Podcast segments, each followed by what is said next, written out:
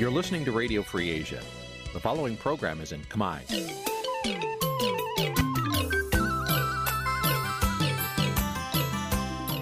នេះជាកម្មវិធីផ្សាយ Vuthu Azizi Serai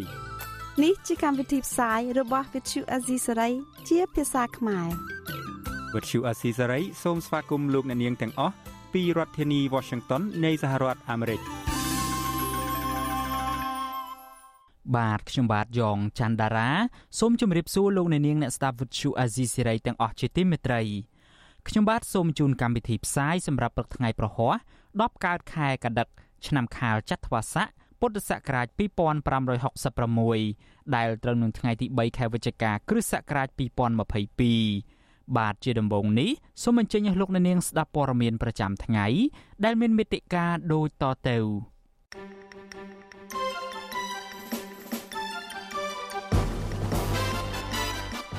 ប្រជាពលរដ្ឋមានទំនាស់ដីធ្លីគ្រងជួបជុំត្រង់ទ្រាយធំទាមទាររកដំណោះស្រាយដីធ្លី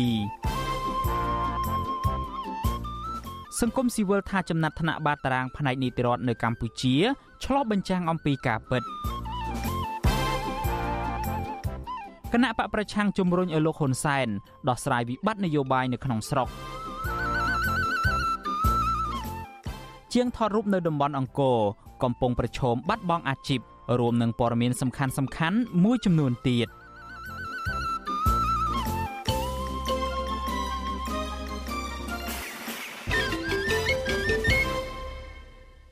បាទជាបន្តទៅទៀតនេះខ្ញុំបាទយ៉ងច័ន្ទដារាសូមជូនព័ត៌មានទាំងនេះពិស្ដា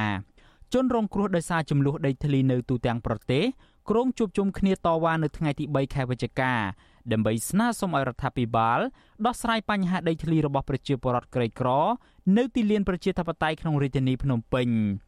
សកម្មជនដីធ្លីនៅឃុំជីខក្រោមស្រុកស្រែអំបិលខេត្តកោះកុងគឺលោកស្រីផៅយើងដែលជាអ្នកចាត់ចែងឲ្យមានការប្រមូលផ្ដុំតវ៉ានេះប្រាប់វិទ្យុអាស៊ីសេរីកាលពីថ្ងៃទី2ខែវិច្ឆិកាថាក្រុមអ្នកស្រីរំពឹងថានឹងមានអ្នកចូលរួមប្រមាណ2000នាក់មកពីបណ្ដាខេត្តជាច្រើន អ្នកស្រីបញ្ជាក់ថាគោលបំណងសំខាន់នៃការជួបជុំគ្នានេះគឺធ្វើឡើងខណៈដែលកម្ពុជាធ្វើជាម្ចាស់ផ្ទះរៀបចំកិច្ចប្រជុំកំពូលអាស៊ាន និងកិច្ចប្រជុំពាក់ព័ន្ធផ្សេងទៀតនៅក្នុងខែវិច្ឆិកានេះដែលមានការចូលរួមពីមេដឹកនាំនៃប្រទេសមហាអំណាចមួយចំនួនរួមមានប្រធានាធិបតីអាមេរិកលោកโจ Biden នាយករដ្ឋមន្ត្រីចិនលោកលីខឺឆាំងនាយករដ្ឋមន្ត្រីជប៉ុន និងអូស្ត្រាលីជាដើមលោកស្រីផៅញើងឲ្យដឹងថា ពួកគាត់ដែលជាជនរងគ្រោះនឹងក្រីក្រដោយសារចំនួនដីធ្លីចង់ឲ្យមេដឹកនាំនៃប្រទេសទាំងនោះជាពិសេសសហរដ្ឋអាមេរិកបានដឹងឮពីបញ្ហាចំនួនដីធ្លីរ៉ាំរ៉ៃរបស់ពួកគាត់ដែលរងការរំលោភយកពីសំណាក់អ្នកមានអំណាច និងអ្នកជំនួញធំធំលោកស្រីបន្តថាប្រជាពលរដ្ឋរងគ្រោះដីធ្លីទាំងអស់ទាមទារដោះស្រាយបញ្ចប់វិវាទដីធ្លីទម្លាក់ចោលការចោទប្រកាន់មកលើពួកគាត់បញ្ឈប់ការផ្ដាល់សម្បត្តិដីសេដ្ឋកិច្ចទៅឲ្យក្រុមហ៊ុនឯកជនជាដើម យើងចង់បានប្រទេសយើងឲ្យមានលទ្ធិប្រជាធិបតេយ្យសិទ្ធិមនុស្សឲ្យបានពេញលេញអឺយើងមកទីលានប្រជាធិបតេយ្យនៅថ្ងៃស្អែកនេះគឺមានគោលបំណងជាច្រើនប៉ុន្តែអ្វីដែលខ្ញុំចាំបានគឺទី1គឺស្នើសុំទៅរដ្ឋាភិបាលអាស៊ានក៏ដូចជារដ្ឋាភិបាលកម្ពុជាក្នុងនាមប្រធានអាស៊ាននៅឆ្នាំនេះឲ្យបញ្ឈប់រាល់ការបណ្ដឹងចេញដោយបង្ខំស្នើសុំឲ្យមានការដោះស្រាយដី ចាដើម្បីឲ្យប្រជាពលរដ្ឋយើងនឹងមានបានកម្មសិទ្ធិឲ្យបានពេញលេញចាឲ្យមានផ្ដល់មានការផ្ដល់ដីសម្បត្តិសង្គមគិច្ចឲ្យប្រជាពលរដ្ឋក្រីក្រហើយយើងស្នើសុំឲ្យមានការដោះស្រាយដីដោយយុត្តិធម៌ហើយជាពិសេសគឺត្រូវផ្ដល់សិទ្ធិសេរីភាពក្នុងការជួបជុំនិងសម្ដែងមតិរបស់ប្រជាពលរដ្ឋលោកស្រីផាវយើងឲ្យដឹងបន្ថែមថាពួកលោកស្រីកំពុងរៀបចំញត្តិដោយបញ្ចូលការស្នើសុំមួយចំនួនទៀត រួមមានបញ្ឈប់ការលាបពណ៌ប្រជាពលរដ្ឋរងគ្រោះដីធ្លីទៅនឹងគណៈបកនយោបាយបញ្ឈប់បង្កើតច្បាប់ច្រកទ្វារអ៊ីនធឺណិតនិងលុបចោលសជួនដែលធ្វើឲ្យប៉ះពាល់ដីធ្លីព្រៃឈើព្រមទាំងការដកហូតយកឲ្យប្រជាពលរដ្ឋគ្រប់គ្រងវិញដើម្បីដាក់ជូនដល់មេដឹកនាំនៃប្រទេសមហាអំណាចទាំងនោះរួមទាំងកម្ពុជាផង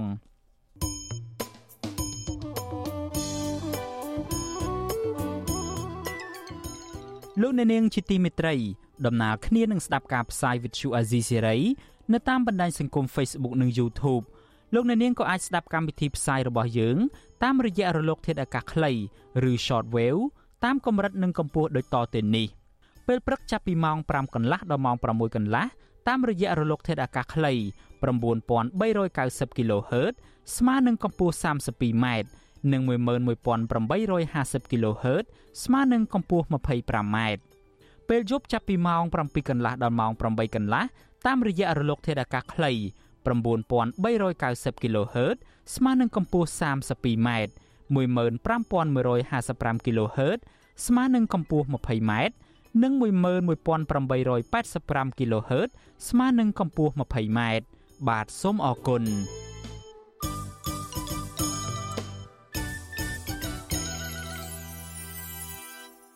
បាទលោកនាងជាទីមេត្រី យើងងាកមកបញ្ហាតាក់ទងទៅនឹងនីតិរដ្ឋនៅកម្ពុជាឯនេះវិញអ្នកវិភាគនិងអ្នកជំនាញចាត់ទុកការរកឃើញរបស់គម្រោងយុតិធធពិភពលោកដែលបានដាក់ចំណាត់ថ្នាក់នីតិរដ្ឋនៅកម្ពុជា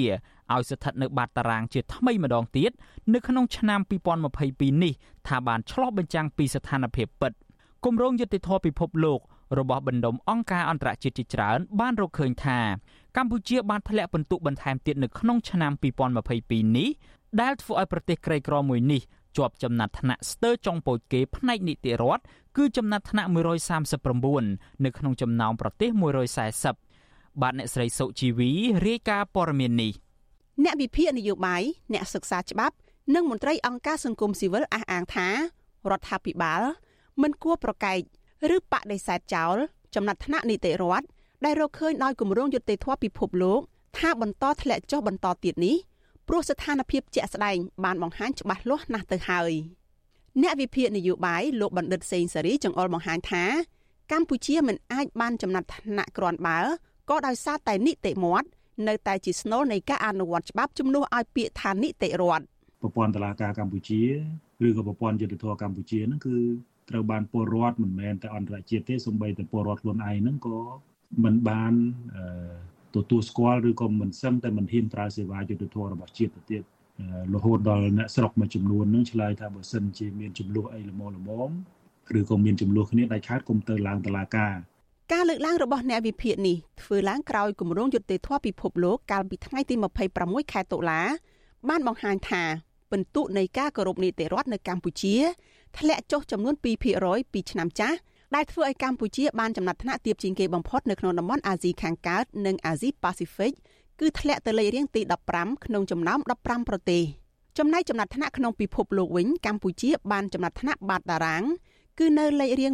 139នៅក្នុងចំណោម140ប្រទេសគឺគ្រាន់បើជាងតែប្រទេសវេណេស៊ុយអេឡាមួយប៉ុណ្ណោះកាលពីឆ្នាំ2021ចំណាត់ថ្នាក់នីតិរដ្ឋនៅកម្ពុជាទៀបនៅបាតតារាងដែរ គឺនៅលេខរៀង138នៅក្នុងចំណោមប្រទេសចំនួន139របាយការណ៍ស្ដីពីសន្ទុះនីតិរដ្ឋប្រចាំឆ្នាំ2022របស់អង្គការគម្រោងយុត្តិធម៌ពិភពលោកដដែលបង្ហាញថាប្រទេសដែលគោរពនីតិរដ្ឋល្អជាងគេបំផុត គឺប្រទេសដាណឺម៉ាកទី2គឺប្រទេសណ័រវេបន្ទាប់មកប្រទេសហ្វាំងឡង់និងស៊ុយអែតផ្ទុយពីនេះប្រទេសដែលមានការគោរពនីតិរដ្ឋទាបជាងគេបំផុតនៅលើពិភពលោក គឺប្រទេសវេណេស៊ុយអេឡាហើយទី2គឺកម្ពុជា បន្ទាប់មកគឺប្រទេសអាហ្វហ្គានីស្ថានពាក់ព័ន្ធនឹងរឿងនេះអ្នកនាំពាក្យក្រសួងយុតិធធនិងគណៈកម្មការសិទ្ធិមនុស្សរបស់រដ្ឋាភិបាលលោកចិនម៉ាលីនបានសរសេរនៅលើ Facebook កាលពីថ្ងៃទី30ខែតុលាថា របាយការណ៍នេះកុហកមិនអោយគេជឿតែម្ដងលោកថាប្រទេសខ្លះដែលលោកសុំមិនបញ្ចេញឈ្មោះកំពុងមានបញ្ហាសង្គ្រាម និងវិបត្តិជនភៀសខ្លួន ប្រទេសខ្លះមានបកតែមួយមិនមានការបោះឆ្នោតប្រទេសមួយចំនួនទៀត ដឹកនាំដោយរបបយោធានិងរដ្ឋប្រហារតែបែរជាទទួលបានចំណាត់ថ្នាក់លើកម្ពុជាទៅវិញលោកចិនម៉ាលីនបានអះអាងដដែលដដែលបែបនេះជាច្រើនឆ្នាំជាប់ជាប់គ្នាមកហើយលោកថែមទាំងធ្លាប់អះអាងថានឹងជួបជជែកជាមួយតំណាងអង្គការគម្រោងយុត្តិធម៌ពិភពលោកនេះទៀតប៉ុន្តែពុំមានព័ត៌មានថាតើលោកបានជួបតំណាងណាម្នាក់នោះនៅឡើយទេរហូតមកដល់ពេលនេះបើទោះជាយ៉ាងណារបាយការណ៍របស់អង្គការគម្រោងយុត្តិធម៌ពិភពលោក បានបង្ហាញច្បាស់ពីកត្តាចម្បងចម្បងចំនួន8ដែលកំណត់ពិន្ទុសន្ទុះនីតិរដ្ឋក្នុងនោះរួមមានដែនកំណត់អំណាចរបស់រដ្ឋាភិបាល ការលុបបំបាត់អំពើពុករលួយរដ្ឋាភិបាលបើកទូលាយសិទ្ធិសេរីភាពជាមូលដ្ឋានសន្តិភាពនិងសន្តិសុខសង្គមការពង្រឹងការអនុវត្តច្បាប់យុត្តិធម៌ផ្នែករដ្ឋបវេនីនិងយុត្តិធម៌ផ្នែកព្រហ្មទណ្ឌបើពិនិត្យគ្រប់ចំណុចគន្លឹះទាំងនេះកម្ពុជាស្ថិតនៅចំណាត់ថ្នាក់បាតតារាងស្ទើរតែទាំងអស់ គឺចន្លោះពីលេខរៀង135ទៅ140នៅក្នុងចំណោម140ប្រទេសក្រៅពីនេះផ្នែកសន្តិភាពធ្នាប់និងសន្តិសុខសង្គមកម្ពុជាស្ថិតនៅកម្រិតមធ្យមគឺនៅចំណាត់ថ្នាក់ទី99ត្រង់ចំណុចដែនកំណត់អំណាចរដ្ឋាភិបាល និងរដ្ឋាភិបាលបើកទូលាយលោកបណ្ឌិតសេងសេរីបញ្ជាក់ថាការបែងចែកអំណាចរវាងស្ថាប័នរដ្ឋាភិបាលរដ្ឋសភានិងតុលាការមានតែនៅលើក្រដាស់ប៉ុណ្ណោះឯការអនុវត្តជាក់ស្ដែងបរិះខ្លាំងលោកហ៊ុនសែន អាចប្រើប្រាស់ស្ថាប័នទាំង3នេះបានដោយងាយច្បាប់ទាំងឡាយណា ដែលបង្កើតឡើងដោយសភាឯកបៈឬក៏ច្បាប់ទាំងឡាយណាដែលបង្កើតឡើងដើម្បីឆ្លើយតបទៅនឹងតម្រូវការរបស់ក្រមណាមួយដែលមិនឆ្លើយតបទៅនឹងតម្រូវការរួមរបស់ជាតិអានឹងគេរាប់ថាជានីតិមាត់មួយដែរលោកសេងសារីរំលឹកទៀតថាមេដឹកនាំរដ្ឋាភិបាលអាចប្រើរដ្ឋសភាឯកបៈឲ្យកែប្រែច្បាប់ និងរដ្ឋធម្មនុញ្ញដើម្បីតែប្រយោជន៍ក្រុមបកកាន់អំណាចមួយមុខគត់ ជាអាចរដ្ឋសភាបានធ្វើវិសោធនកម្មរដ្ឋធម្មនុញ្ញលើកទី10កាលពីខែកក្កដាកន្លងទៅដែលមានខ្លឹមសារកាត់បន្ថយអំណាចរបស់រដ្ឋសភាខ្លួនឯងបើទោះជាមានការវាយតម្លៃថាមេដឹកនាំរដ្ឋាភិបាលបច្ចុប្បន្នរំលោភអំណាចសភាក្តីក៏លោកហ៊ុនសែននៅតែមានមុខមកអួតអាងជាសាធារណៈថារដ្ឋសភាកម្ពុជា មានអំណាចជាងប្រទេសមួយចំនួនរាប់ទាំងប្រទេសអង់គ្លេសនិងម៉ាឡេស៊ីព្រោះការបង្កើតរដ្ឋាភិបាលត្រូវទៅសុំការទុកចិត្តពីរដ្ឋសភា យ៉ាងណាក្តីមកដល់ពេលនេះអំណាចនៅតែស្ថិតនៅក្នុងដៃលោករដ្ឋមន្ត្រីដដែលព្រោះសមាជិកសភាឯកបៈទំនងមិនហ៊ានក្អកនឹងលោកហ៊ុនសែនតទៅទៀតដែរព្រោះច្បាប់បោះឆ្នោតកំណត់ថា ពួកគេអាចបាត់បង់សមាជិកភាពពីសភាប្រសិនបើបាត់បង់សមាជិកភាពពីគណៈបកងាកមកបញ្ហាសិទ្ធិសេរីភាពមូលដ្ឋានវិញប្រធានសមាគមអាត6លោកនេះសុខាគូបញ្ជាក់ថា នៅប្រមាណឆ្នាំចុងក្រោយនេះរបាយការណ៍របស់អង្គការជាតិនិងអន្តរជាតិ រួមទាំងអង្គការសហប្រជាជាតិផងសុទ្ធតែបានរកឃើញថាសេរីភាពមូលដ្ឋានរបស់ពលរដ្ឋនិងសិទ្ធិនយោបាយបានធ្លាក់ចុះលោកបន្តថាកម្ពុជាត្រូវហ៊ានទទួលស្គាល់ពីការធ្លាក់ចុះនេះទើបអាចរកផ្លូវត្រូវឃើញ។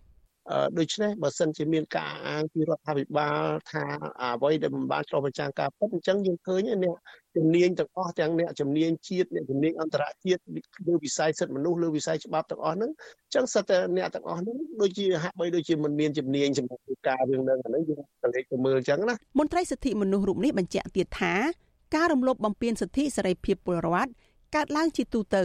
ព្រោះការបង្ក្រាបការជួបប្រជុំកើតមានជាហូរហែនៅតាមដងផ្លូវ ចំណែកការរំលោភសិទ្ធិនយោបាយមិនបានថមថយទេ ចាប់តាំងពីមានការរំលាយគណៈបកសង្គ្រោះជាតិកាលពីឆ្នាំ2017សកម្មជននយោបាយសកម្មជនសង្គមអ្នកការពារសិទ្ធិមនុស្សត្រូវគេលបវាយធ្វើបាបសម្លាប់និងកាត់ទោសឲ្យជាប់ពន្ធនាគារទាំងក្រុមទាំងក្រុមដោយសារនិន្នាការនយោបាយនិងការអនុវត្តសេរីភាពបញ្ចេញមតិរបស់ពួកគេរីឯនាយកប្រតិបត្តិអង្គការដំឡាភិបកម្ពុជាលោកពេជ្រពិសីលើកឡើងថា បញ្ហាអំពើពុករលួយនៅតែបន្តចាក់ឫសតាំងពីថ្នាក់ជាតិរហូតដល់កម្រិតមូលដ្ឋានលោកមើលឃើញថាអំពើពុករលួយដែលមិនបានដោះស្រាយសោះនោះគឺអំពើពុករលួយផ្នែកនយោបាយហើយបញ្ហានេះអាចបន្តកើនឡើង នៅពេលកម្ពុជាត្រៀមខ្លួនសម្រាប់ការបោះឆ្នោតជាតិនៅក្នុងឆ្នាំ2023នយោបាយគឺសំដៅទៅលើការធ្វើការបដិក្លាគ្នារវាងអ្នកដែលមានអំណាចហើយនិង អ្នកដែលមានផលប្រយោជន៍ដទៃទៀតហ្នឹងដើម្បីកេងប្រវ័ញ្ចប្រយោជន៍សាធារណៈហើយធានាថាពួកគាត់នៅតែប្រើប្រាស់អំពើពុករលួយនៅក្នុងការបន្តដឹកនាំរដ្ឋផ្សេងៗបាទចំណែកនៅក្នុងផ្នែកពង្រឹងការអនុវត្តច្បាប់ការធានាយុត្តិធម៌សម្រាប់ពលរដ្ឋវិញ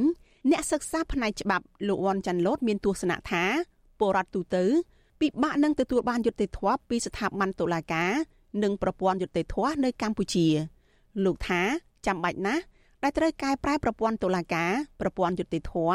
ដែលជោគជាំទៅដោយអំពើពុករលួយ និងស្ថិតក្រោមអធិបុលអ្នកនយោបាយ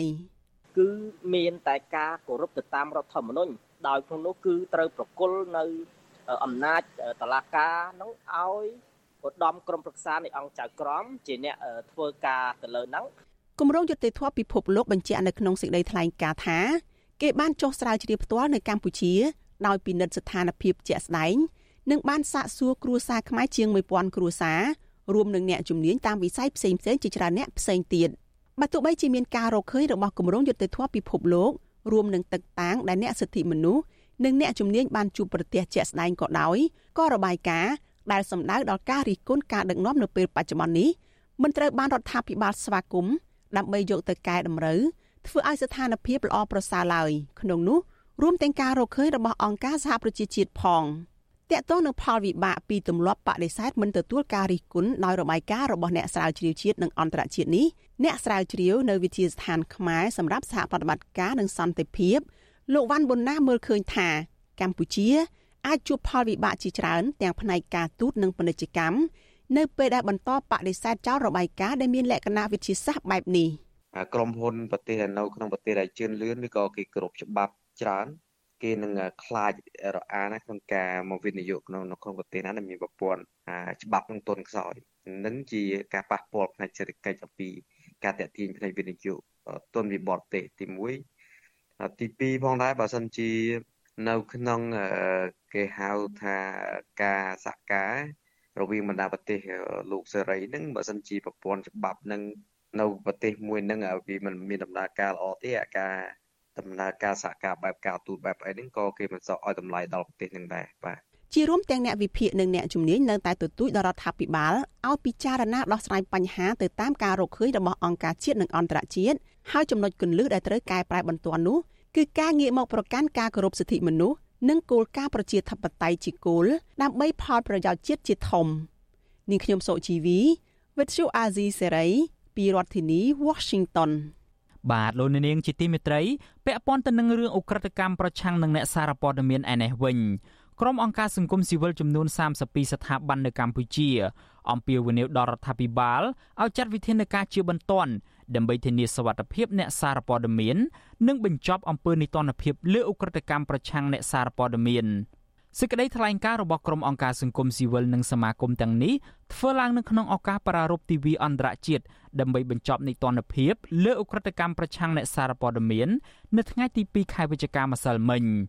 ចាប់តាំងពីឆ្នាំ1994មកយ៉ាងហោចណាស់មានអ្នកសារព័ត៌មានចំនួន15នាក់ត្រូវបានគេសម្លាប់នៅក្នុងនោះមានចំនួន12នាក់រាយការណ៍ពីបញ្ហារសើបនៅពេលពួកគេត្រូវបានសម្លាប់ក៏ប៉ុន្តែគ្មានជនល្មើសណាម្នាក់ ត្រូវបានគេយកមកផ្ដន់ទោសតាមច្បាប់នៅឡើយទេអ្នកសារព័ត៌មានកម្ពុជា និងបរទេសនៅឆ្នាំ2022នេះទទួលរងនៅអំពើហិង្សា ការយាយីនិងការបំផិតបំភ័យពីសំណាក់អាជ្ញាធរខណៈពួកគេរាយការណ៍ពីការធ្វើកោតកម្មរបស់ក្រុមកម្មករក្រុមហ៊ុន Casino NagaWorld និងចោះទៅយកព័ត៌មាននៅភ្នំតាម៉ៅជាដើមទង្វើរបស់សមាជិកទាំងនេះគឺជាការធ្វើទុកបុកម្នេញទៅលើអ្នកសារព័ត៌មាន ដែលនាំឲ្យប៉ះពាល់ដល់សេរីភាពនៃការបញ្ចេញមតិនិងគំរាមកំហែងដល់ការទទួលបានព័ត៌មានរបស់សាធារណជនស្ថិតិរបស់សមាគមសម្ព័ន្ធអ្នកសារព័ត៌មានកម្ពុជាហៅកាត់ថាកម្ពុជាបង្ហាញថាអ្នកសារព័ត៌មានចំនួន57នាក់ត្រូវបានគេយាយីនិងគំរាមកំហែងចាប់តាំងពីខែមករាដល់ខែតុលាឆ្នាំ2022ក្រុមអង្គការសង្គមស៊ីវិលនិងសមាគមទាំង32ស្ថាប័ននេះថ្កោលទោសអំពើនីតិរដ្ឋភាពនៃអ ுக ្រិតកម្មប្រឆាំងអ្នកសារព័ត៌មាន ហើយអាជ្ញាធរត្រូវទៅស៊ើបអង្កេតស្វែងរកជនល្មើសយកមកផ្ដន្ទាទោសតាមផ្លូវច្បាប់ព្រមទាំងធានាថាអ្នកសារព័ត៌មានអាចប្រើប្រាស់សិទ្ធិសេរីភាពបញ្ចេញមតិនិងសារព័ត៌មានដើម្បីបម្រើសាធារណជនដោយគ្មានការភ័យខ្លាច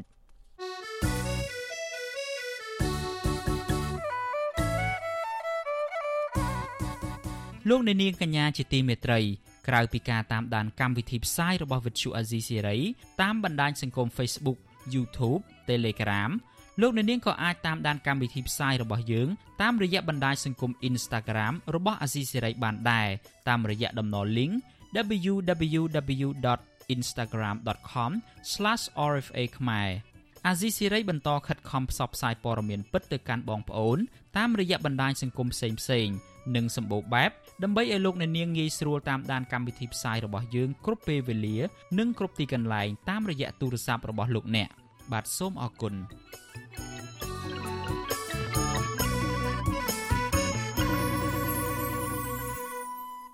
បាទលោកនាងជាទីមេត្រីពាក់ព័ន្ធទៅនឹងបញ្ហានយោបាយវិញមន្ត្រីអង្គការសង្គមស៊ីវិលនិងមន្ត្រីគណៈបកប្រឆាំងជំរុញទៅលោកនាយរដ្ឋមន្ត្រីហ៊ុនសែន គួរតែដោះស្រាយបញ្ចប់ចំនួននយោបាយនៅកម្ពុជា ដោយការចរចា ដែលពាក្យចរចានេះលោកហ៊ុនសែនបានផ្ដល់អនុសាសន៍ទៅប្រធានាធិបតីអ៊ុយក្រែនលោក Volodymyr Zelensky ឲ្យដោះស្រាយបញ្ចប់សង្គ្រាមនៅប្រទេសនេះទោះជាយ៉ាងណាមន្ត្រីគណៈបកកណ្ដាលអំណាចអះអាងថាសង្គ្រាមនៅប្រទេសអ៊ុយក្រែននិងចំនួននយោបាយកម្ពុជា គឺជារឿងពីរដាច់ដោយឡែកពីគ្នា បាទនេះជាសេចក្តីរាយការណ៍របស់លោកទីនហ្សាការីយ៉ា លោកនាយករដ្ឋមន្ត្រីហ៊ុនសែនដែលខកខានប្រើវប្បធម៌សន្ទនាជាមួយគណៈបកប្រឆាំងជាង5ឆ្នាំមកនេះបានផ្ដល់អនុសាសន៍ទៅប្រធានាធិបតីអ៊ុយក្រែនលោក Volodymyr Zelensky ថាសង្គ្រាមមិនអាចបញ្ចប់ដោយសង្គ្រាមបានទេ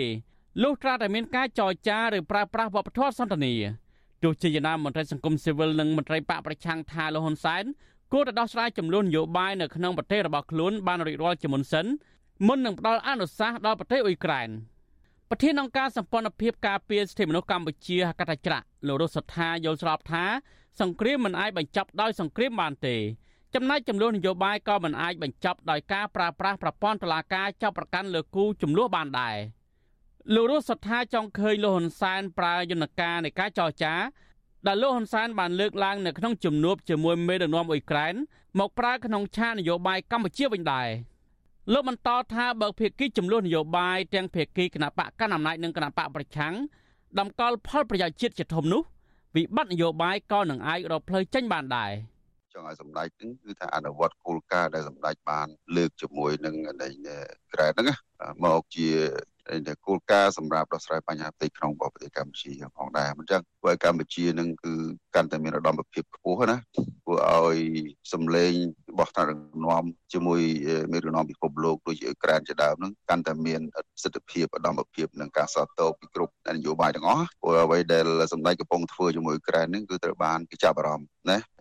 មើលជាច្រើនចង់ស្ដាប់ចង់ឮជាច្រើនក៏ដូចជាបញ្ហាអាស៊ានដែរ លោករស់សថាលើកឡើងថាការគោរពស្មារតីនៃកិច្ចព្រមព្រៀងសន្តិភាពទីក្រុងប៉ារីសក៏ផ្ដល់ដំណោះស្រាយនយោបាយពេលនេះបានដែរមន្ត្រីសង្គមស៊ីវិលលើកឡើងដូចនេះក្រោយពេលលោកហ៊ុនសែនបានចែករំលែកបទពិសោធន៍នយោបាយរបស់លោក ទៅមេដឹកនាំអ៊ុយក្រែនថាគ្មានសង្គ្រាមណាមួយអាចបញ្ចប់ដោយប្រើប្រាស់សង្គ្រាមនោះទេលោកហ៊ុនសែនអះអាងថាកម្ពុជាផ្ដល់សារៈសំខាន់នៃការចរចានិងរកដំណោះស្រាយដោយសន្តិវិធី លោកសង្ឃឹមថាភាគីពាក់ព័ន្ធរុស្ស៊ីនិងអ៊ុយក្រែននឹងរកដំណោះស្រាយនយោបាយគ្រប់ជ្រុងជ្រោយក្នុងការបញ្ចប់សង្គ្រាមដើម្បីទទួលបានសុខសន្តិភាពមកវិញសេចក្តីប្រកាសព័ត៌មានរបស់ក្រសួងការបរទេសចុះកាលពីថ្ងៃទី1វិច្ឆិកាឲ្យដឹងថាលោកហ៊ុនសែនក៏សន្យាថាលោកនឹងបញ្ជូនអ្នកជំនាញទៅជួយដោះមីននៅប្រទេសអ៊ុយក្រែនហើយលោកក៏គ្រោងនឹងទៅបំពេញទស្សនកិច្ចនៅប្រទេសនេះក្នុងពេលវេលាណាមួយសមស្របនៅពេលខាងមុខ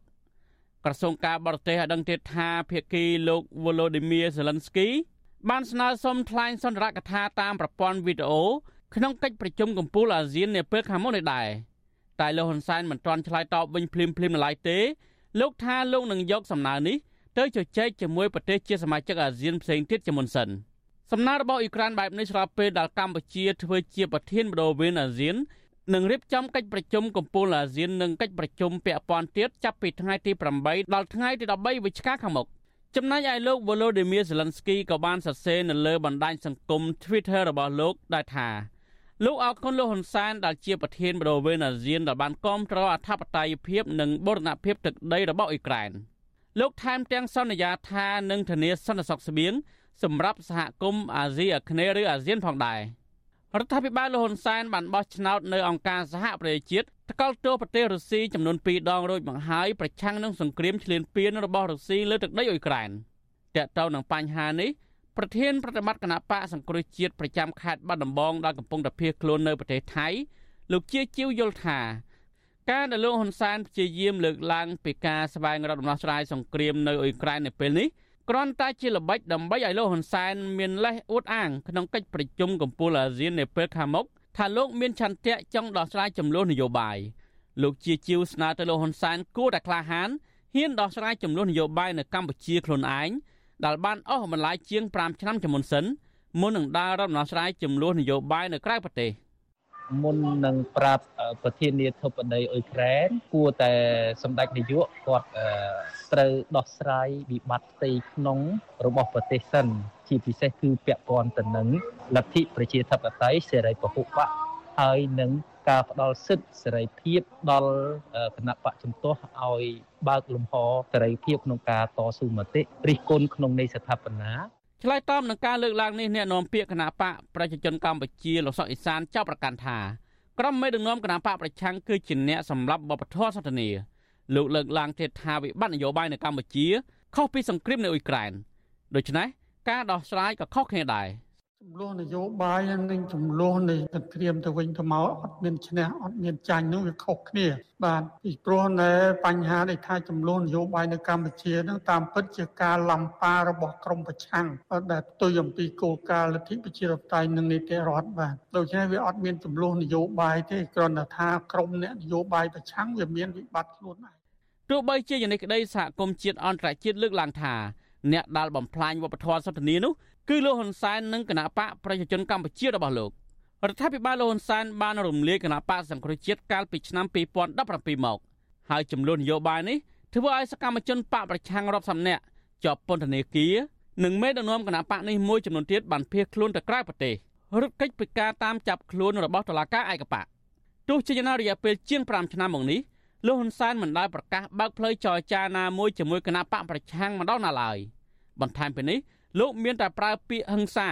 និងប្រើប្រាស់ប្រព័ន្ធតុលាការចោទប្រកាន់លើសកម្មជននិងមេដឹកនាំគណៈបកប្រឆាំងជាច្រើនទៀតខ្ញុំទីនសាការីយ៉ាអស៊ីសេរីប្រធានីវ៉ាស៊ីនតោនបាទលោកនាងជាទីមេត្រីលោកនាយរដ្ឋមន្ត្រីហ៊ុនសែននិងប្រធានាធិបតីអ៊ុយក្រែនលោក Volodymyr Zelensky បានយល់ព្រមតែងតាំងនិងផ្លាស់ប្តូរឯកអគ្គរដ្ឋទូតឯកអគ្គរដ្ឋទូតទៅវិញទៅមក សេចក្តីប្រកាសព័ត៌មានរបស់ក្រសួងការបរទេសកម្ពុជាកាលពីថ្ងៃទី2ខែវិច្ឆិកាឲ្យដឹងថានៅក្នុងជំនួបតាមទូរស័ព្ទរវាងមេដឹកនាំនៃប្រទេសទាំងពីរកាលពីថ្ងៃទី1ខែវិច្ឆិកា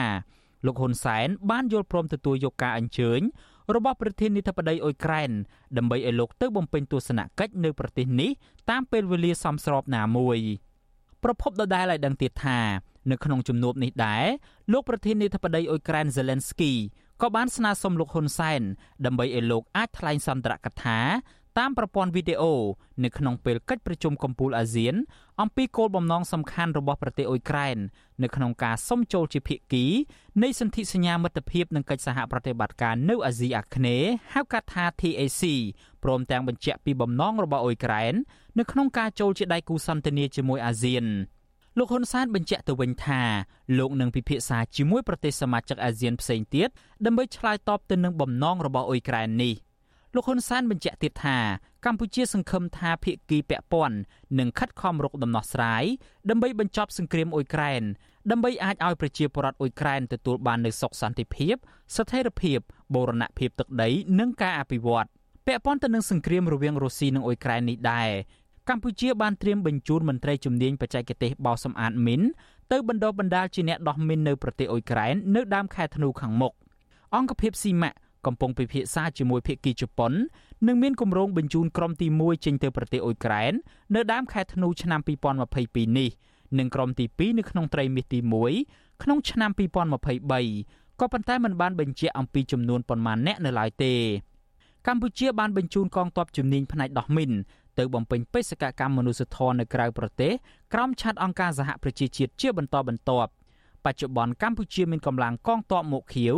ជិត800នាក់កំពុងបំពេញបេសកកម្មនៅប្រទេសលីបង់ស៊ូដង់ស៊ូដង់ខាងត្បូងម៉ាលី និងសាធារណរដ្ឋអាហ្វ្រិកកណ្ដាល។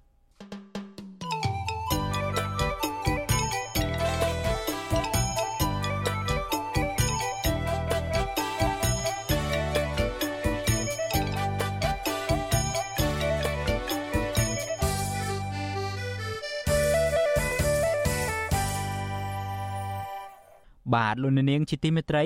នៅឯខេត្តកំពង់ចាមឯនោះវិញមន្ត្រីអង្គការសង្គមស៊ីវិលទាមទារឲ្យក្រុមហ៊ុនឡុងស្រេងទទួលខុសត្រូវក្នុងករណីកម្មកររបស់ខ្លួន3នាក់បានស្លាប់និង69នាក់ទៀតត្រូវបញ្ជូនទៅសង្គ្រោះបន្ទាន់នៅមន្ទីរពេទ្យដោយសង្ស័យករណីពុលថ្នាំស្មៅនិងថ្នាំបាញ់ចេកកាលពីពេលថ្មីៗនេះ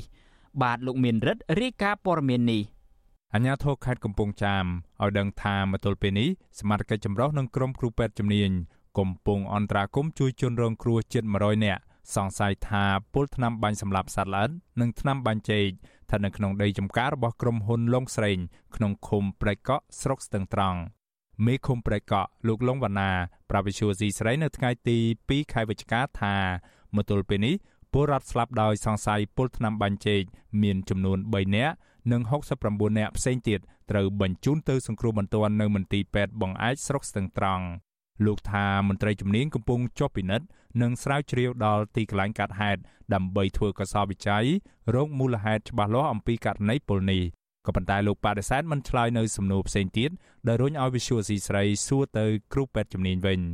ចំណែកប្រធានការិយាល័យសុខាភិបាលស្រុកស្ទឹងត្រង់វិជ្ជាបណ្ឌិតយឹមណាវីមានប្រសាសន៍ថាមន្ត្រីជំនាញបានយកសំណាក់រួមមានថ្នាំបាញ់សម្លាប់សត្វល្អិតថ្នាំបាញ់ចេកនិងស្រាសដែលកម្មករប្រើប្រាស់ យកទៅធ្វើកសោវិច័យក៏ប៉ុន្តែមិនទាន់បង្ហាញលទ្ធផលនៅឡើយទេ តែយ៉ាងណា លោកថាក្រុមគ្រូពេទ្យជំនាញដាក់ការសង្ស័យថាជនរងគ្រោះពុលថ្នាំបាញ់ចេកនិងថ្នាំសម្លាប់សត្វល្អិតខណៈដែលពួកគាត់មានអាការៈវិលមុខអស់កម្លាំងពិបាកដកដង្ហើមឈឺទ្រូងនិងស្វាងភ្នែកលោកបញ្ជាក់ថាក្រុមគ្រូពេទ្យនឹងបង្ហាញលទ្ធផលនៅពេលឆាប់ៗនេះក្រោយពីធ្វើកសោវិច័យរួចរាល់ មន្ត្រីសង្គមស៊ីវិលសង្កេតឃើញថាមកទល់ពេលនេះសមត្ថកិច្ចមិនទាន់ឃាត់ខ្លួនជនសង្ស័យណាម្នាក់នៅឡើយទេរីឯតំណាងក្រុមហ៊ុនឡុងស្រេងវិញក៏នៅមិនទាន់ស្រាយបំភ្លឺជុំវិញករណីនេះនៅឡើយដែរ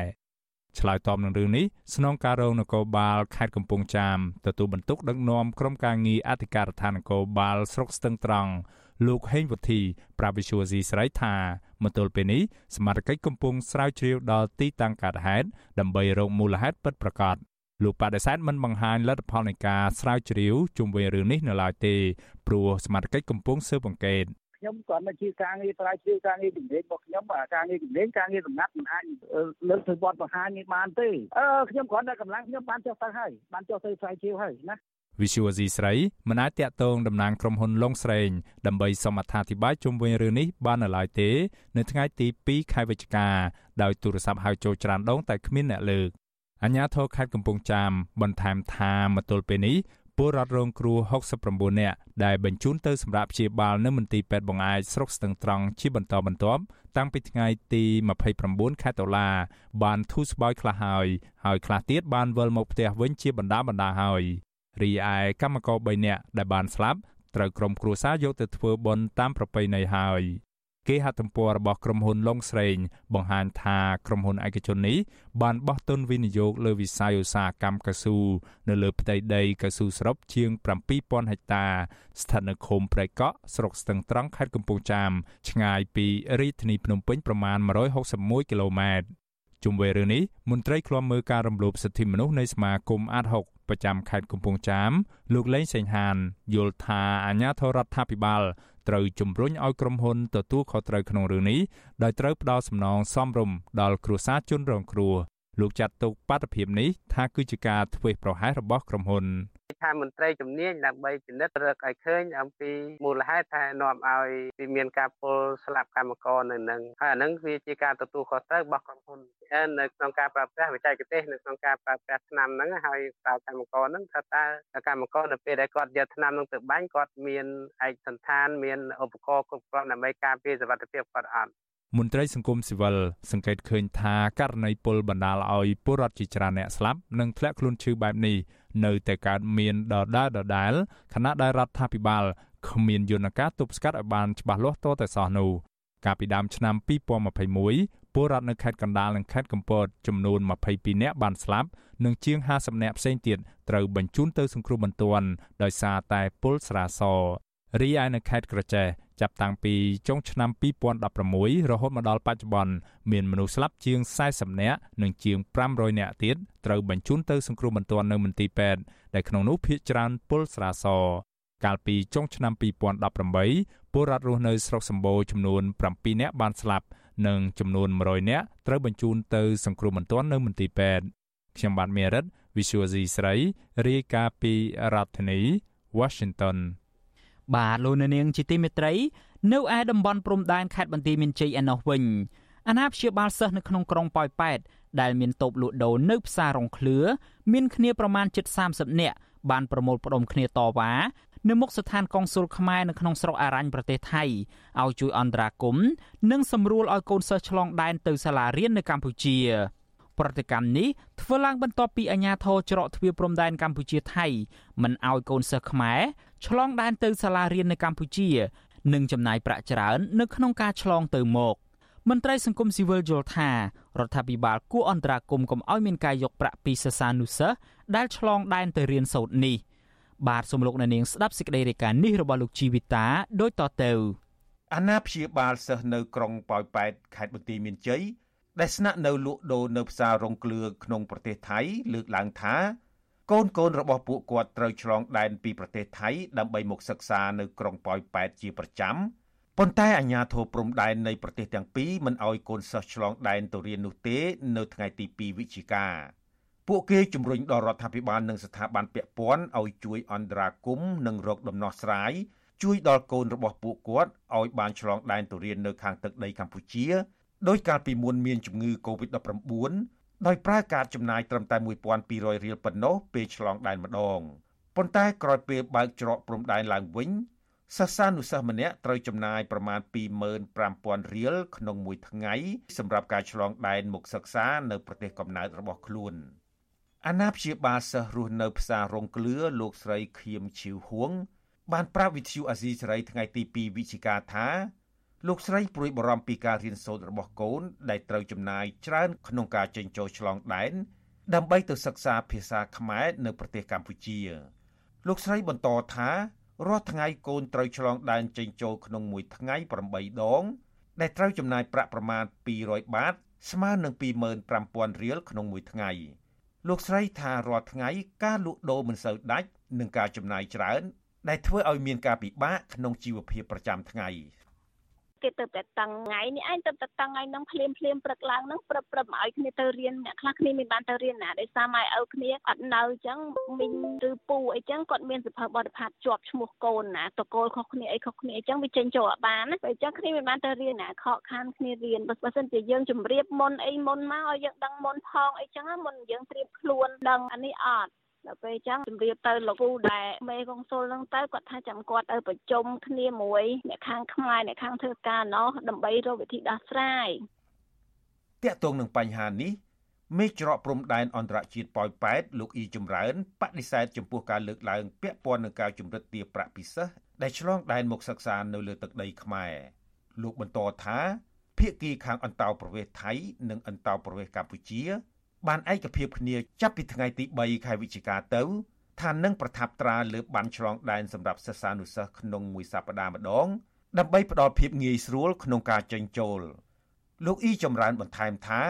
ពាក់ព័ន្ធនឹងការផ្ដល់កាតដល់ពលរដ្ឋដែលរស់នៅផ្សាររងក្លឿគឺខាងអន្តោប្រវេសន៍កម្ពុជា បានស្នើសុំទៅភាគីថៃចំនួន5ដងហើយប៉ុន្តែមិនទាន់មានការឆ្លើយតបនៅឡើយទេលោកអ៊ីចម្រើនបញ្ជាក់ថា ឆាប់ឆាប់ខាងមុខនេះនឹងក្រោយពីមានការឯកភាពពីភាគីថៃពលរដ្ឋខ្មែររស់នៅផ្សាររងក្លឿនឹងមានកាតព្រោះភាគីថៃបានទទួលឯកសារដែលមានការឯកភាពពីក្រសួងមហាផ្ទៃរួចហើយ។ អត់មានត្បូងជាគោលការណ៍មានឲ្យដណាសុំលុយពិសេសទេមានតែគឺសម្រួលទាំងសិស្សទាំងចាស់ជរាលោកទៅនឹងទៅវិជ្ជាទៅជាពលរដ្ឋហើយឥឡូវនេះខ្ញុំនៅខាងតោកម្ពុជានិងខាងតោប្រទេសថៃបានឯកភាពគ្នាសម្រួលឲ្យខាងកូនសិស្សហ្នឹងយើងមកពិតយើងវាយគាត់ម្ដងដើម្បីសម្រួលការកក់ស្ទះអញ្ចឹងបងការហ្នឹងខ្ញុំទូលប្រាប់បងចេះខ្ញុំបានស្នើដល់ខាងវិទ្យាថៃ5ដងហើយការធ្វើការរូបជាជនដែលគាត់យករូបសាររូបជឿហ្នឹងបងយើងបានឯកភាពគ្នាខ្ញុំបានធ្វើរបាយការណ៍ទៅក្រសួងក្រសួងទៅឯកភាពឲ្យតោប្រទេសកម្ពុជាបន្តសហការជាមួយខាងប្រវេសថៃបន្តទៀតដើម្បីធ្វើការឲ្យគ្រូប្រជាជនដែលរស់នៅក្នុងតែទៅរូបលោកសាររូបគឺចេញព្រឹកទូលវិទៅបងជុំវិញរឿងនេះដែរប្រធានសមាគមពង្រឹងសេដ្ឋកិច្ចក្រៅប្រព័ន្ធកម្ពុជាប្រចាំនៅខេត្តបន្ទាយមានជ័យលោកដិនពុទ្ធីយល់ឃើញថាក្រោយការបើកច្រកអន្តរជាតិប៉ោយប៉ែតឡើងវិញអាញាធរច្រកព្រំដែនហាក់រឹតបន្តឹងខ្លាំងពាក់ព័ន្ធនឹងបានឆ្លងដែនដែលបង្កឲ្យមានការលំបាកដល់ពលរដ្ឋលោកបន្តថា អញ្ញាធរគួរធ្វើការគុណសិស្សដល់ពួកគាត់ដើម្បីឲ្យពួកគេបានឆ្លងទៅសិក្សាដែលស្របទៅតាមសិទ្ធិទទួលបានការរៀនសូត្ររបស់កុមារលោកដិនពុទ្ធីថាមន្ត្រីច្រកព្រំដែនប៉ោយប៉ែតយកលុយពីពលរដ្ឋជារឿងខុសច្បាប់ ដែលមិនមានការប្រកាសរបស់ក្រសួងសេដ្ឋកិច្ចនិងហិរញ្ញវត្ថុពាក់ព័ន្ធនឹងការប្រមូលលុយពីពលរដ្ឋឆ្លងដែនលោកដិនពុទ្ធីបញ្ជាក់ថាការជំរិតទារប្រាក់នៅពេលឆ្លងដែនមិនមែនកើតឡើងតែច្រកព្រំដែនប៉ោយប៉ែតប៉ុណ្ណោះទេ គឺមានស្ទើរតែគ្រប់ច្រកព្រំដែនទាំងអស់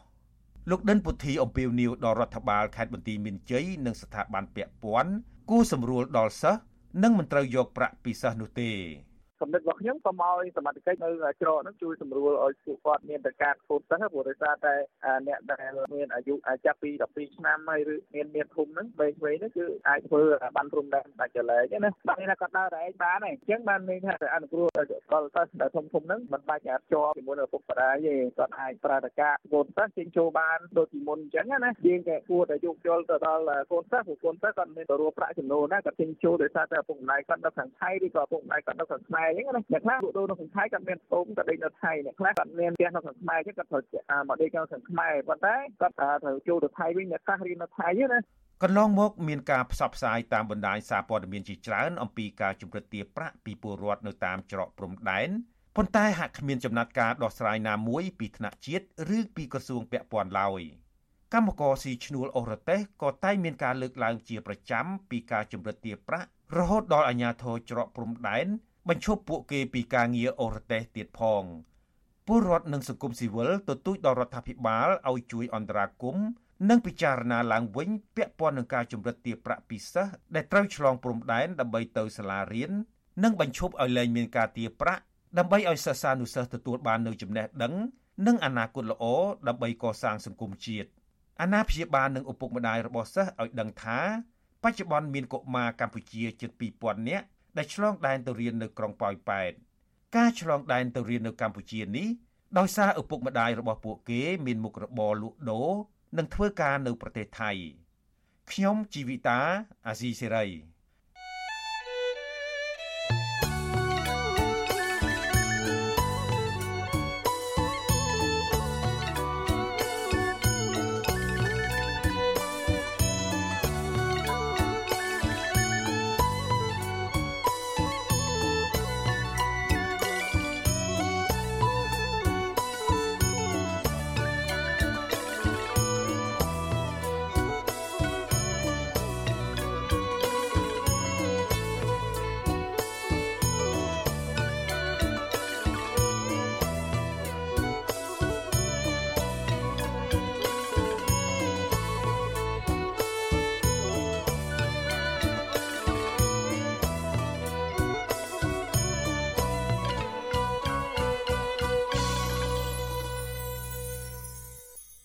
បាទលោកអ្នកនាងជាទីមេត្រី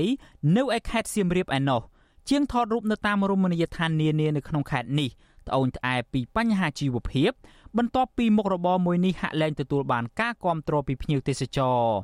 ពួកគាត់បារម្ភថាអាចនឹងបាត់បង់អាជីពជាអ្នកថតរូបនេះដោយសារតែទេសចរភ ieck ច្រើនជ្រើសរើសយកការថតរូបក្នុងទូរស័ព្ទដៃជាជាងការប្រើប្រាស់សេវាកម្មរបស់ពួកគាត់ បាទសំលោកនៅនាងស្ដាប់សេចក្តីរាយការណ៍មួយទៀតរបស់អ្នកស្រីសុជីវីដូចតទៅ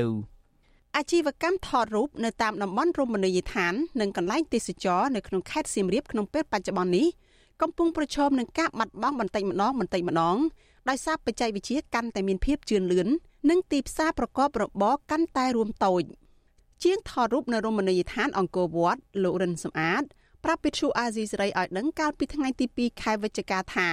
សប្តាហ៍ថ្ងៃ លោកមិនសូវរកចំណូលបានពីការថតរូបនោះទេព្រោះបណ្ដាលមកពីជាងថតរូបមានការកើនឡើងខណៈភ្ញៀវទេសចរនៅមានចំនួនតិចតួចនៅឡើយលោកឲ្យដឹងថាជារៀងរាល់ថ្ងៃលោកត្រូវដើរឬឈររងចាំ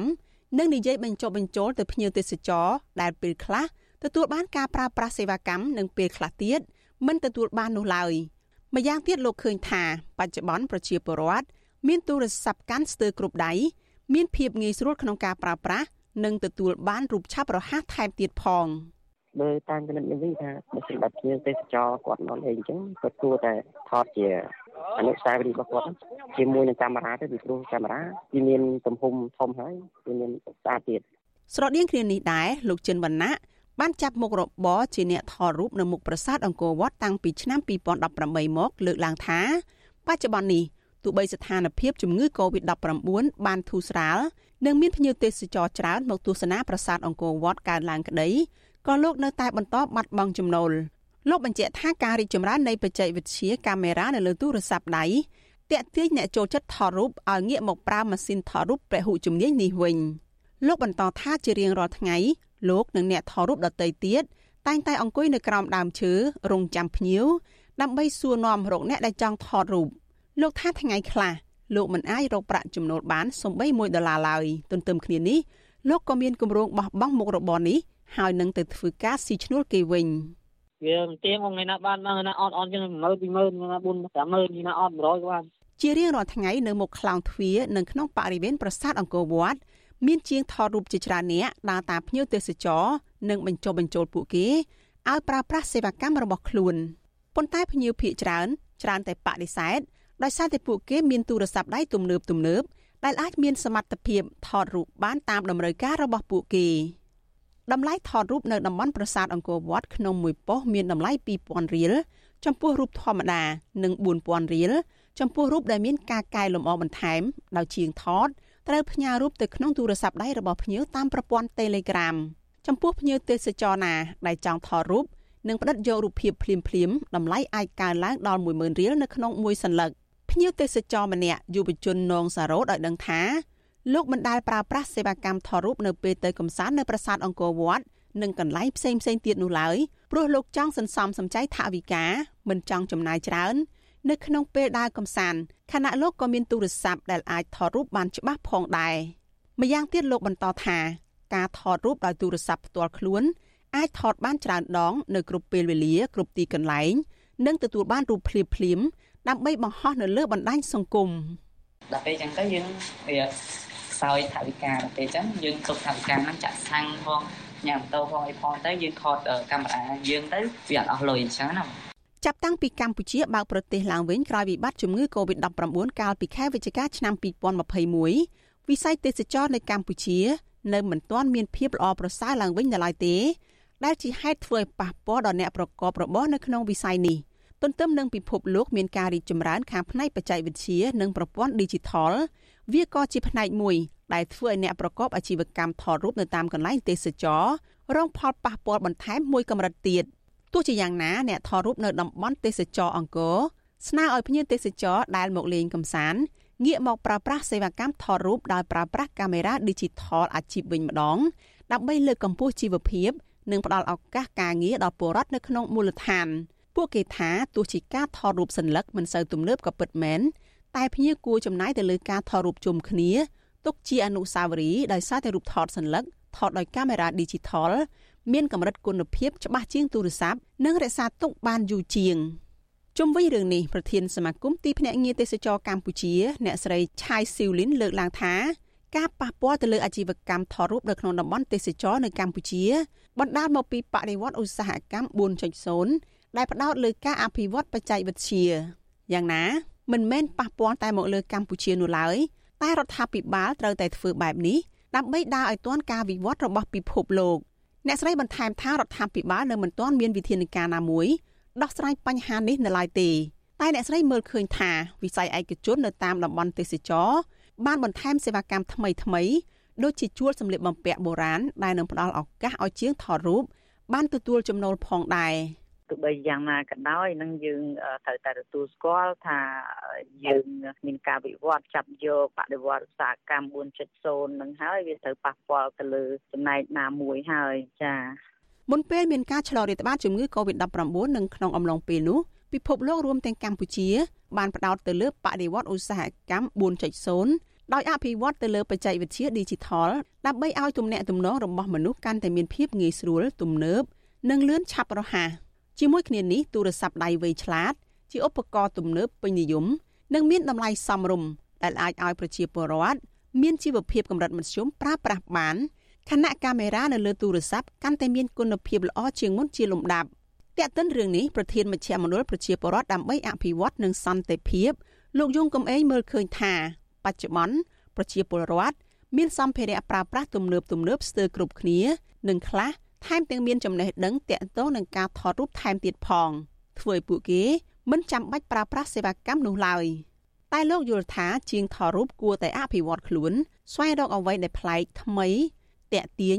បំរើឲ្យអាជីវកម្មរបស់ខ្លួនដោយមិនត្រូវពឹងផ្អែកតែទៅលើការថតបែបប្រពៃណីនោះឡើយគណៈក្រសួងស្ថាប័នពាក់ព័ន្ធត្រូវលើកទឹកចិត្តនិងបណ្ដុះបណ្ដាលពួកគាត់លើផ្នែក Digital ផងដែរ យើងគិតមើលថាតើស្អីដែលប្លែកស្អីដែលខុសប្លែកពីអ្នកដែលប្រើប្រាស់កាមេរ៉ាទូរស័ព្ទដៃរបស់ខ្លួនថតហ្នឹងហើយយើងថតទៅវាមានភាពភាពប្លែកជាងអស្ចារ្យជាងមានការតាកទាញចឹងបាទតើលើយើងគិតចឹងมันអាចទៅបានអញ្ចឹងទេគឺដូចនៅបណ្ដាប្រទេសគេមួយចំនួនគឺយើងពិបាកនឹងរកអ្នកថតរូបដែរណាបាទក្រៅពីតំបន់ប្រាសាទអង្គរនៅតាមបណ្ដារមណីយដ្ឋានប្រវត្តិសាស្ត្រដទៃទៀត ក៏មានអ្នកប្រកបអាជីវកម្មថតរូបនេះផងដែរដូចជានៅមុខព្រះបរមរាជវាំងវត្តភ្នំក្នុងរាជធានីភ្នំពេញនិងភ្នំកំពង់ត្រាចខេត្តកំពតជាដើមប៉ុន្តែនៅកន្លែងខ្លះអាជីវកម្មនេះបានបាត់ខ្លួនទាំងស្រុងតែម្ដងដោយសារតែជាងថតរូបបោះបង់លែងធ្វើតទៅទៀតនាងខ្ញុំសុជីវី With Show Azizi Serai ពីរដ្ឋធានី Washington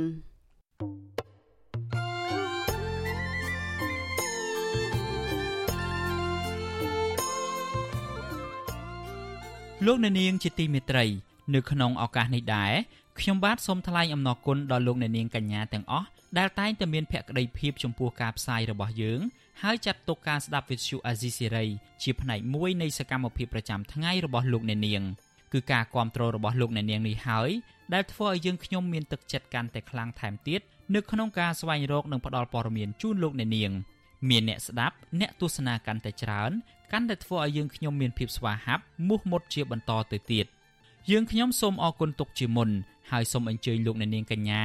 ចូលរួមជំរុញឲ្យសកម្មភាពផ្តល់ព័ត៌មានរបស់យើងនេះឲ្យកាន់តែជោគជ័យបន្ថែមទៀតលោកអ្នកនាងអាចជួយយើងខ្ញុំបានដោយគ្រាន់តែចុចចែករំលែកឬ Share ការផ្សាយរបស់យើងនៅលើបណ្ដាញសង្គម Facebook និង YouTube ទៅកាន់មិត្តភ័ក្តិដើម្បីឲ្យការផ្សាយរបស់យើងបានទៅដល់មនុស្សកាន់តែច្រើន បាទសូមអរគុណ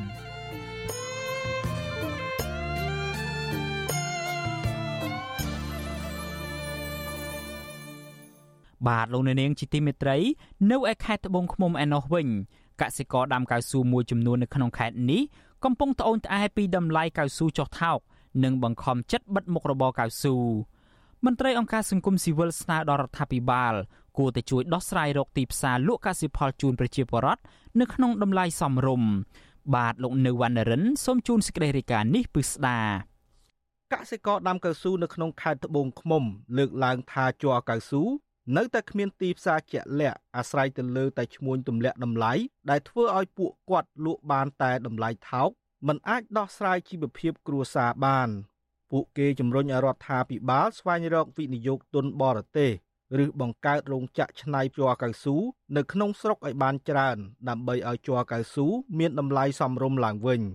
កសិករដាំកៅស៊ូនៅឃុំជាំស្រុកមេមត់ លោកឆៃវិតបានប្រាប់វិទ្យុអាស៊ីសេរីកាលពីថ្ងៃទី31តុលាថាលោកព្រួយបារម្ភអំពីជីវភាពខ្វះខាតក្នុងពេលដែលត្រូវចំណាយជីវភាពប្រចាំថ្ងៃ និងបញ្ហាបំណុលនៅធនាគារលោកបន្តថាកសិករដាំកៅស៊ូពិបាករកទីផ្សារលក់ផលិតផលជ័រកៅស៊ូហើយមានតម្លៃទាបដែលមិនអាចទូទាត់ការចំណាយពលកម្មថែទាំនិងជីនោះទេ លោកឆៃវិតអះអាងថាតម្លៃជ័រកៅស៊ូឆ្នាំមុន ជិត3000រៀលប៉ុន្តែតម្លៃឆ្នាំនេះធ្លាក់ចុះរហូតដល់1600រៀលក្នុង1គីឡូក្រាមលោកឆៃវិតថាជ័រកៅស៊ូក្រៅពីប្រទេសវៀតណាម គឺនៅក្នុងស្រុកគ្មានរោងចក្រកែច្នៃជ័រកៅស៊ូនិងទទួលទិញពីពលរដ្ឋឡើយទើបឈ្មួញវៀតណាមអាចទម្លាក់តម្លៃតាមចិត្ត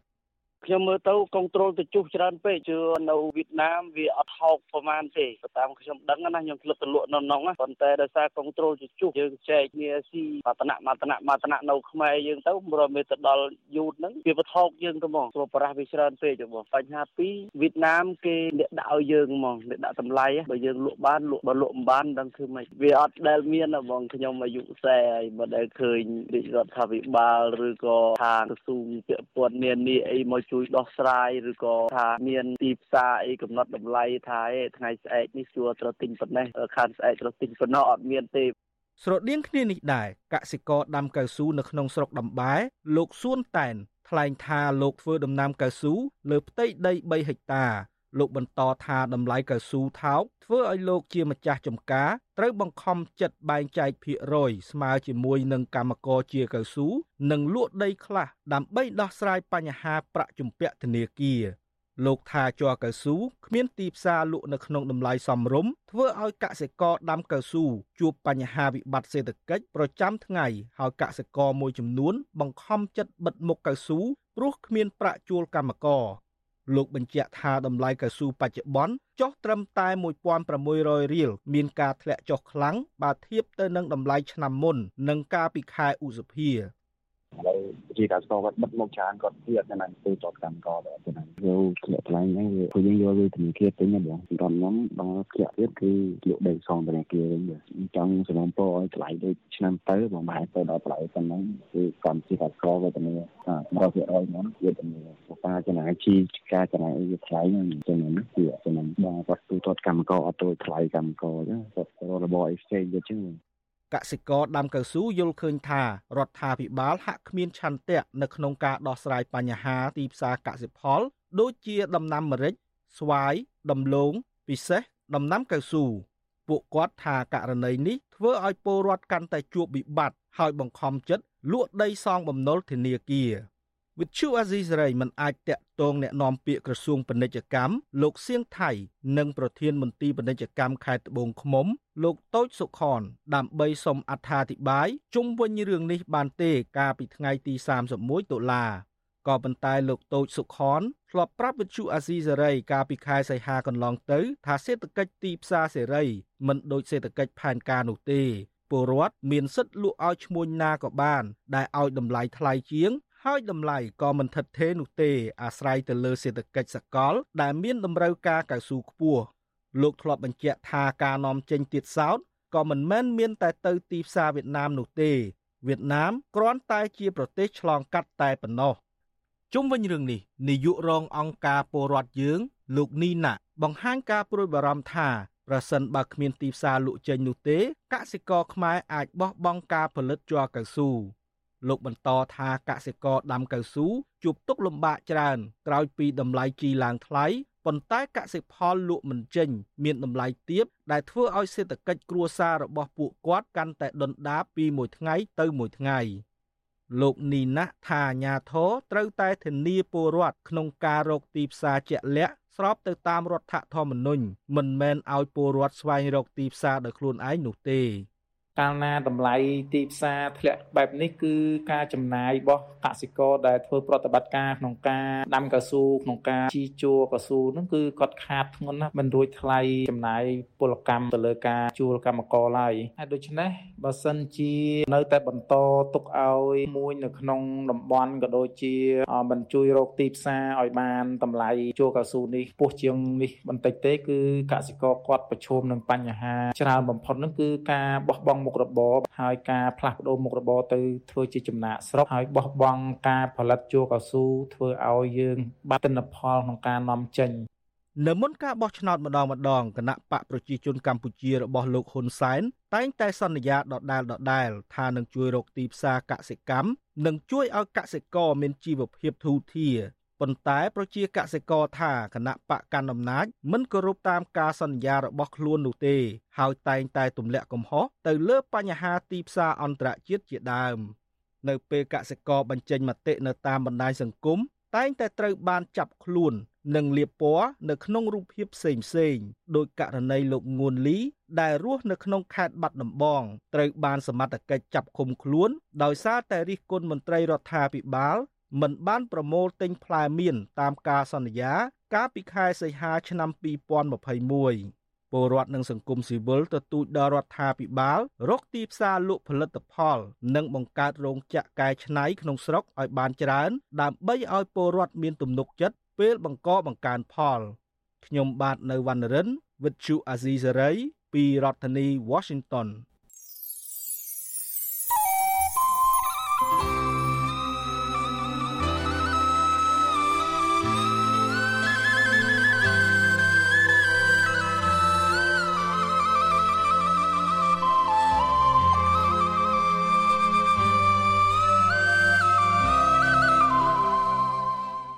លោកអ្នកនាងជាទីមេត្រី